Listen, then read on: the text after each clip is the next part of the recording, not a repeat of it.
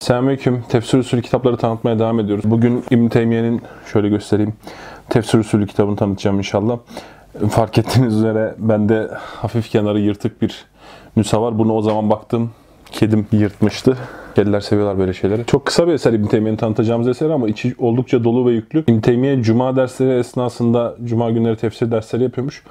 Ve bu dersler esnasında birisi rica ediyor böyle bir eser yazmasını.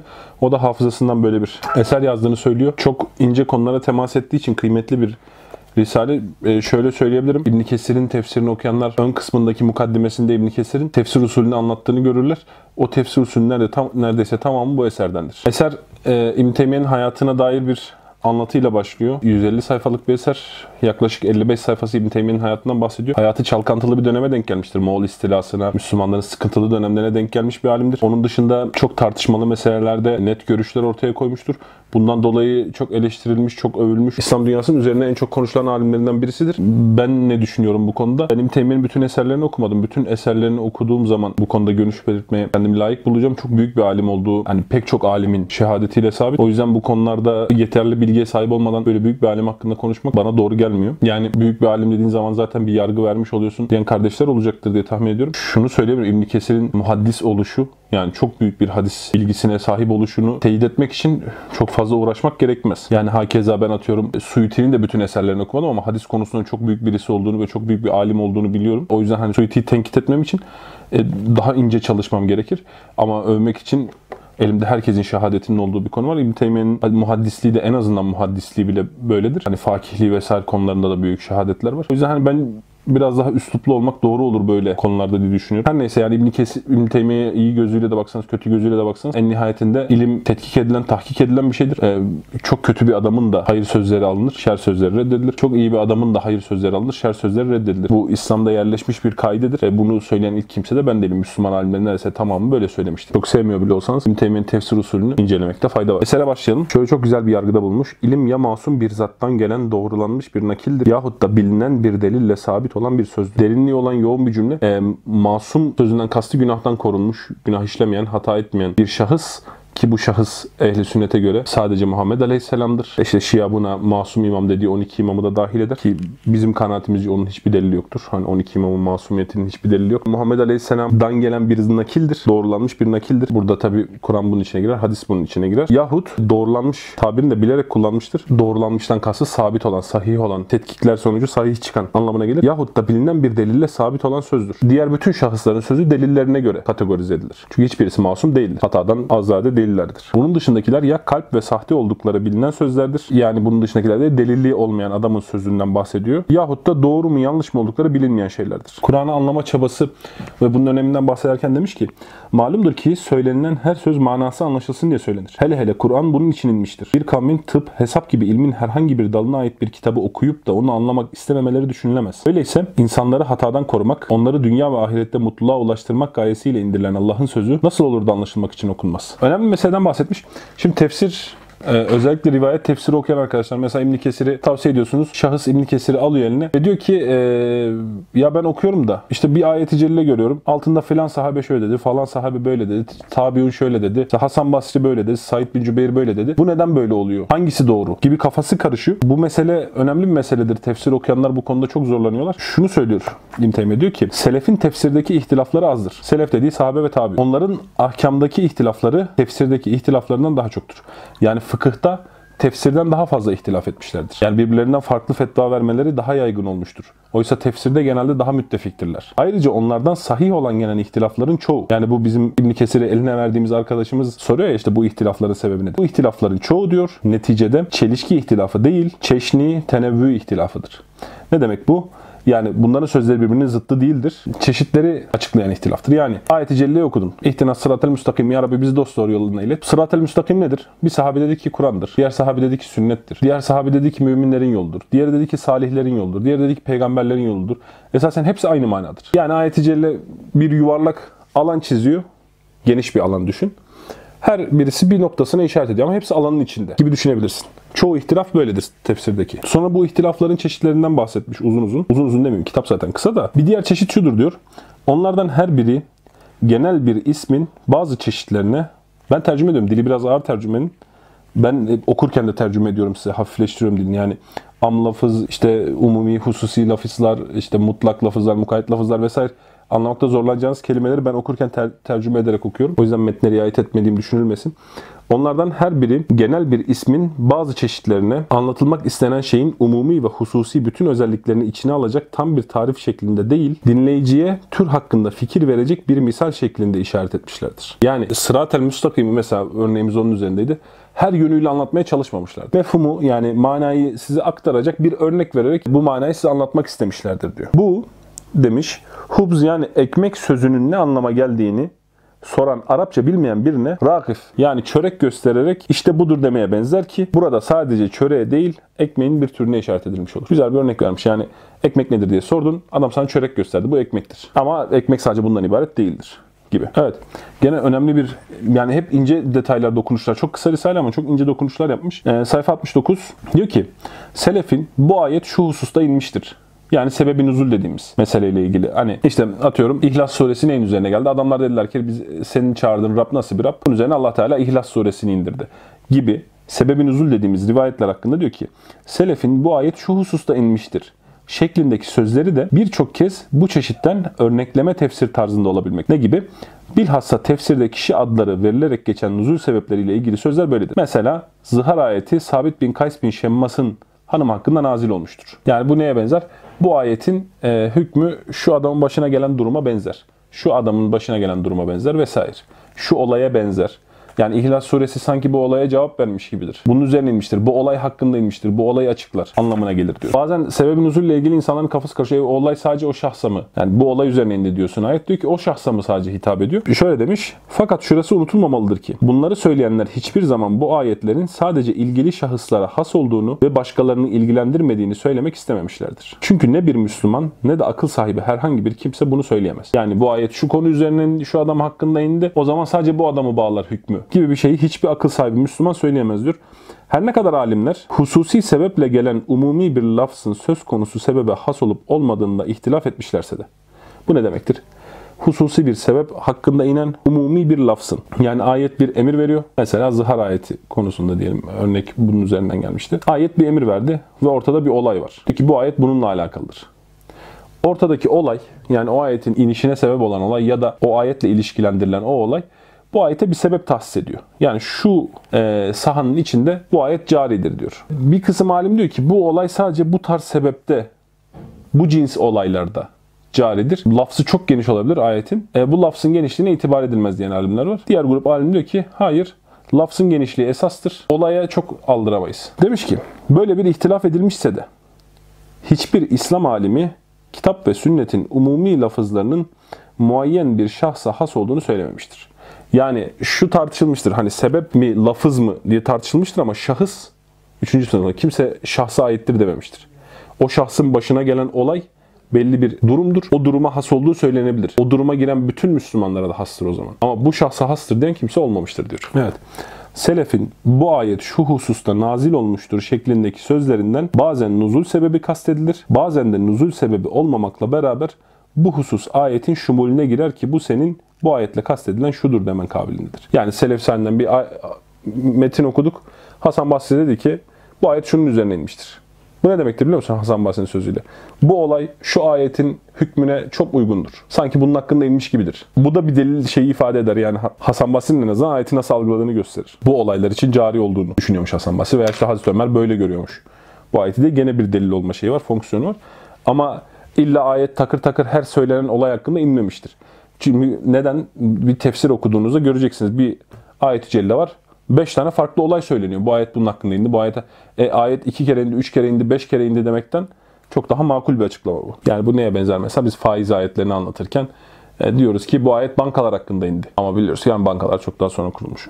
Bu misal anlayabilirsiniz. Yani diyor hal böyle olunca onlardan birinin bu ayet şu hususta nazil oldu şeklindeki sözü bir diğerinin bu hususta nazil oldu demesine aykırı değildir. Seleften gelen ve bazılarınca ihtilaf zannedilen bir tür daha vardır ki o da selefin müteradif yani eş anlamlı değil mütekarip, yakın anlamlı lafızlarla ayet-i kerimelerin manalarını ifade etmeleridir.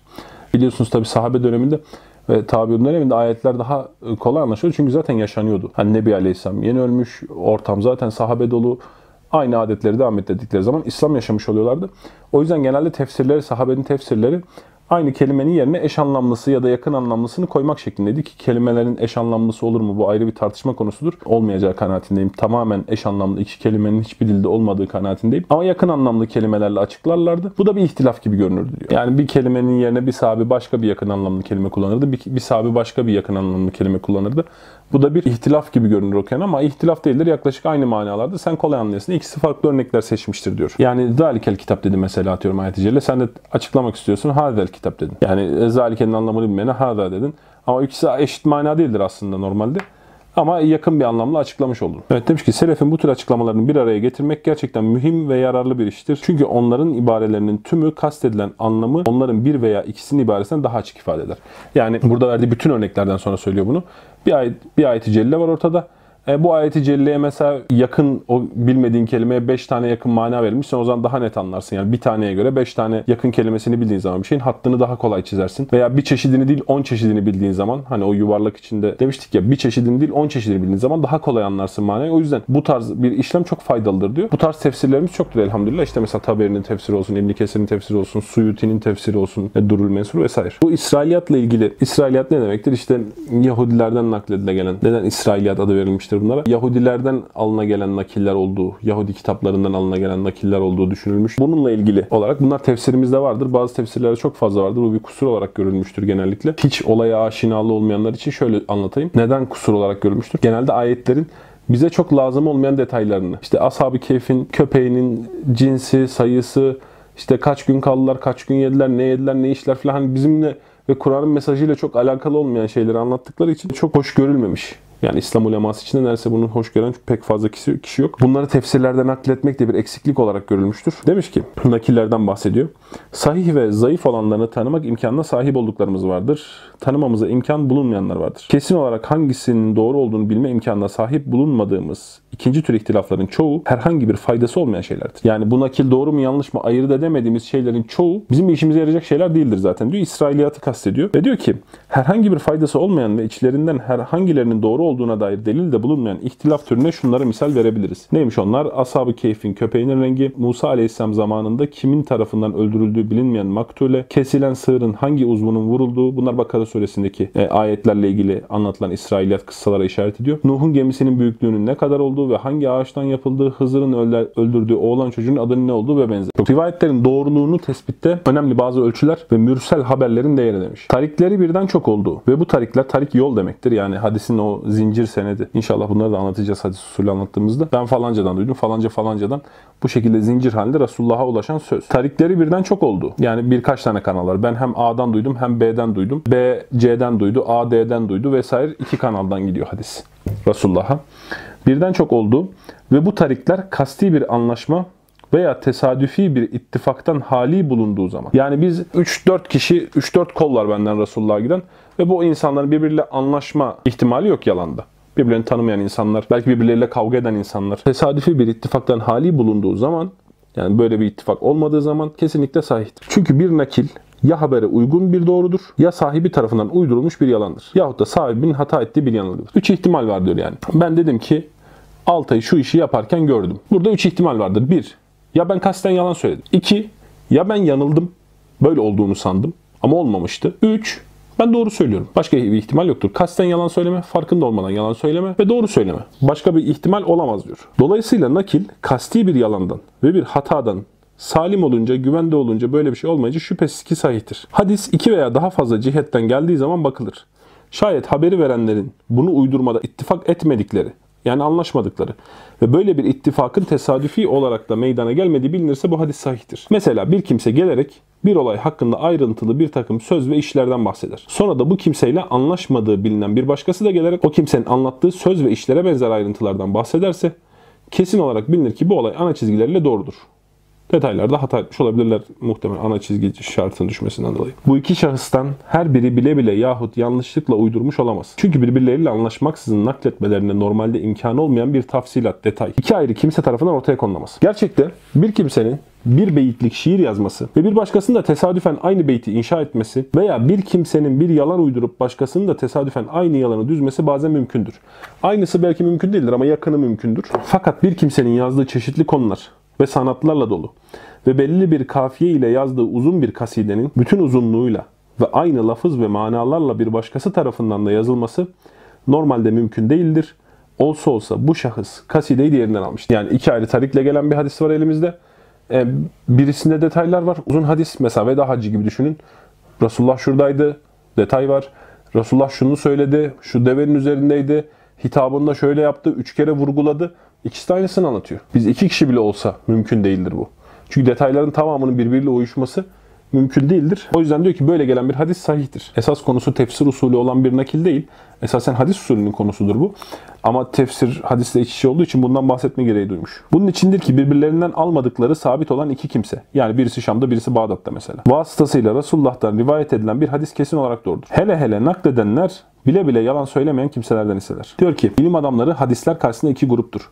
Bir grup kelamcılarla onlar gibi düşünenlerdir ki Bunlar hadis ilminden ve rical bilgisinden uzak kimselerdir. Kelamcılardan kastı bu kitaplarda sık sık kelamcılara dair sert ifadeler gördüğünüzde bunların e, çoğunluğunun eşariler ve maturidiler olmadığını bilin. Çoğunlukla mutezileyedir bu. Selefilerin bazı kitaplarında İbn Teymiye Selefidir.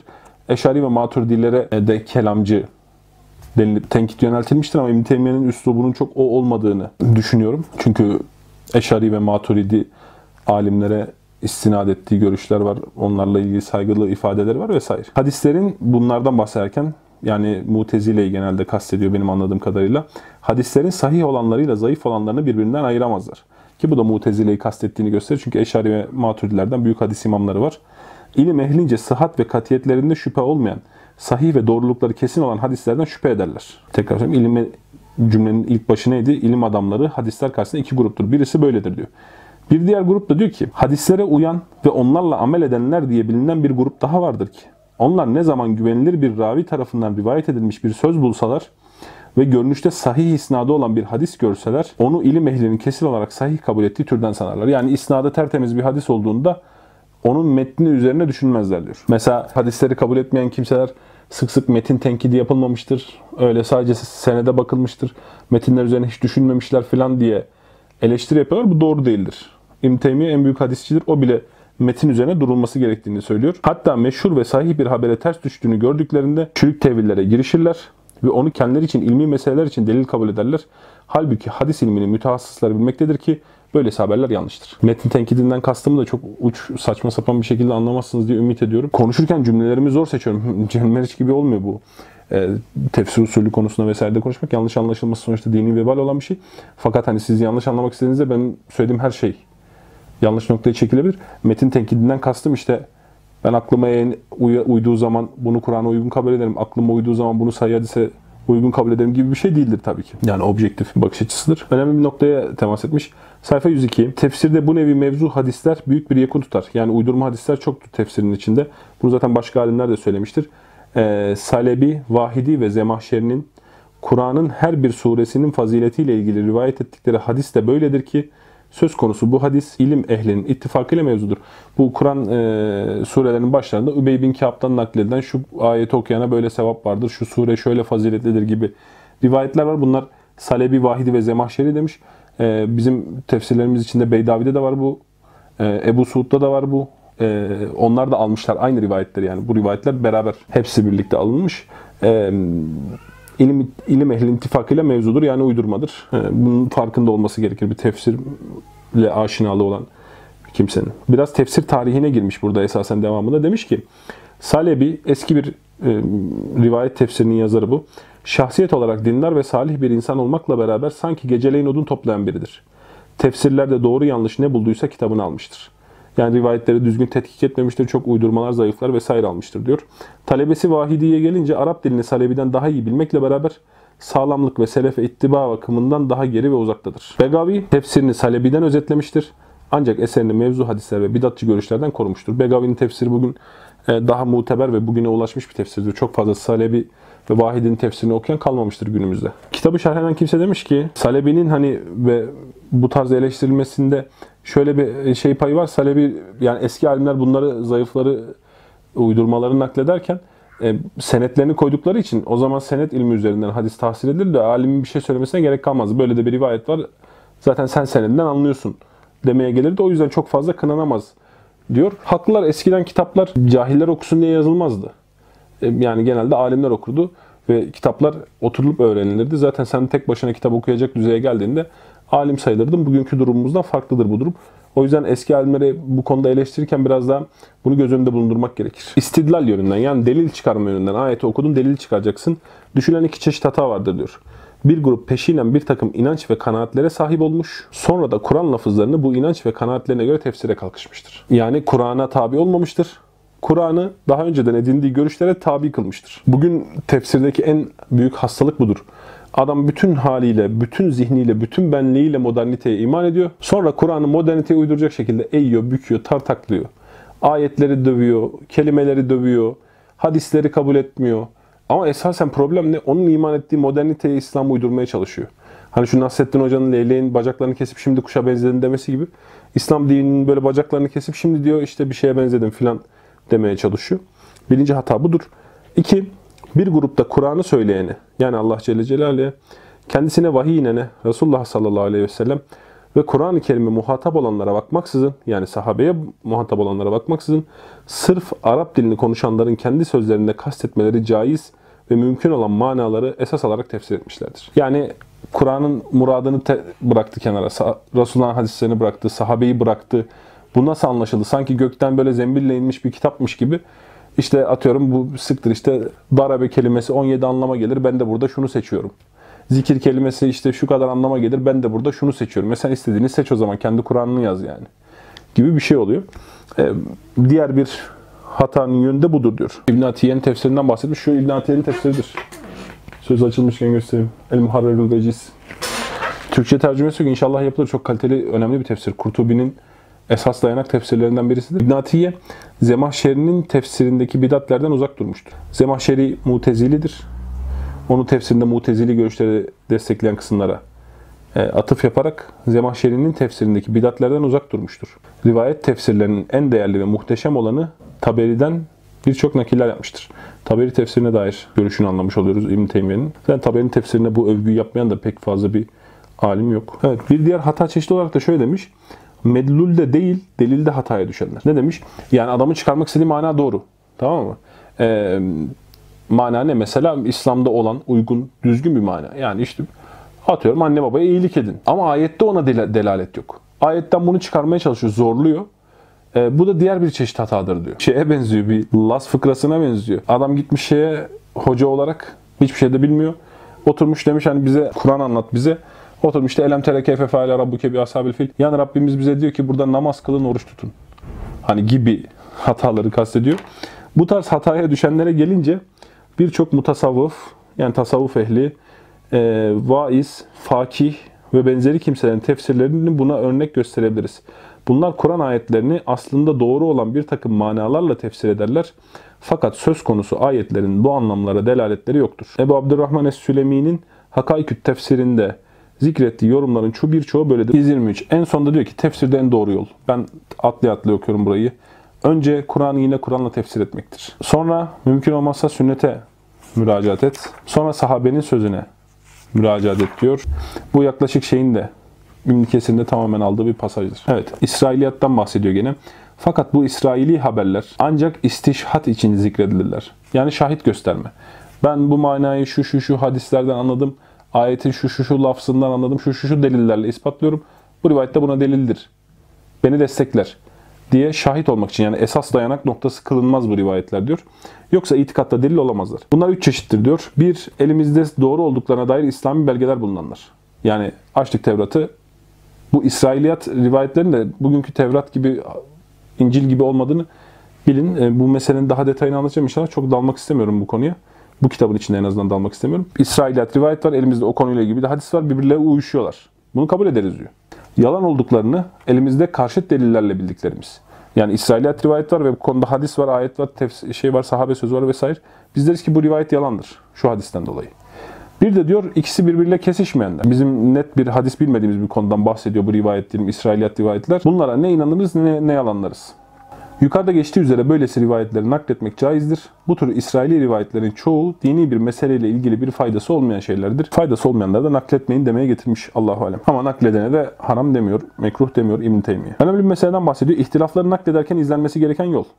Böyle bir durumda en iyisi bütün görüşleri aktarıp doğru ve yanlış olanlarına dikkat çekmek ve bu ihtilaftan fayda ve semerenin ne olduğunu belirtmek. Dolayısıyla hiçbir faydası olmayan ihtilafların uzayıp gitmesini ve bunlarla oyalanılarak önemli meselelerin bir kenara itilmesini önlemektir. Fakat bir meseledeki ihtilafların tamamını değil bir kısmını nakletmek yanlıştır.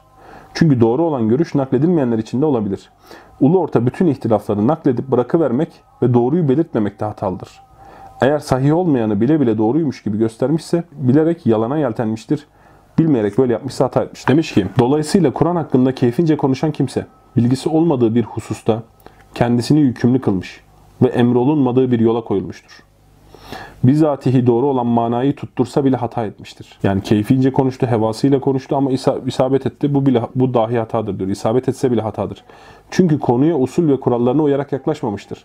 Tıpkı insanlar arasında bilmediği halde hüküm ve fetva veren kimsenin cehennemlik olması gibi. Bu kimsenin verdiği hüküm isabetli olsa da böyledir. Bu aynen şuna benzer diyor. Çok güzel bir delalet ayetten çıkarmış şahit getirmeden iffetli kimlere, kimselere zina atanlar. Yani zina iftirasında bulunan kimseler. Adam olayı görse bile gerçekten oldu olay. Zina vuku buldu ve üç kişi gördüler bu olayı. Bunların bunu anlatması caiz değildir. Dört şahit olmadan bu olay anlatılmaz. Doğru gördüler, anlattılar. E üçü de ayet-i celle'nin hükmüyle yalancıdır diyor bunlar. Bunların şahitliğini kabul etmeyin. Bunu buna bağlayıp diyor ki böyle bir kimse gerçekten yalancıdır. Bunu bizatihi zina etmiş olan bir kimse hakkında yapsa da böyledir. Çünkü ihbar etmesi kendisine helal olmayan bir şeyi ihbar etmiş ve bizzat bilgisinin bulunmadığı bir meseleyle kendisini mükellef kılmıştır. Üstüne düşmeyen işi yapmıştır. Gördüğü doğru olsa bile o yalancıdır. Hükmen yalancıdır yani. Böyle bir şeyin Allah yayılmasını istememiş. Üç kişiyle, üç şahitle söylenmesini istememiş. Aynen bunun gibi ehli olmadan fetva veren, tefsir yapmaya çalışan kimse de isabet etse dahi hata etmiştir diyor. Kendisini mükellef olmadığı bir şeye zorlamıştır diyor. Ama diyor bu dil yönünden olsun, şer'i açıdan olsun bilerek tefsir yapan kimse için herhangi bir yasak söz konusu değildir. Çünkü insanın bilmediği şeylerde susması nasıl vacipse bildiklerin hakkında konuşması da vaciptir. Şu hadis-i şerif koymuş. Kim kendisine bir ilim sorulur da, yani bildiği bir ilim sorulur da onu gizlerse o kimseye kıyamet günü ateşten bir gem vurulur. Ubeydullah bin Müslim'den bir rivayet yapmış. Bunu söyleyip bitirelim. Kur'an tefsir edeceğin zaman bunu kastederek diyor ki Allah'tan nakil yapacağın zaman dur ve önünü sonunu düşün. Tefsir etmeyi Allah'tan nakil yapmak olarak görüyor. Allah'tan nakil yapacağın zaman dur ve önünü sonunu düşün. Mesruk'tan rivayet etmiş. Çünkü tefsir Allah'tan rivayet etmektir. Diyelim ve bitirelim. Son yargı olarak şunu söyleyebilirim. Kitap 100 sayfa ama çok verimli, gerçekten dolu dolu bir kitap. Ben okumanızı tavsiye ediyorum. Ve ahiru davana enelhamdülillahi rabbil alemin.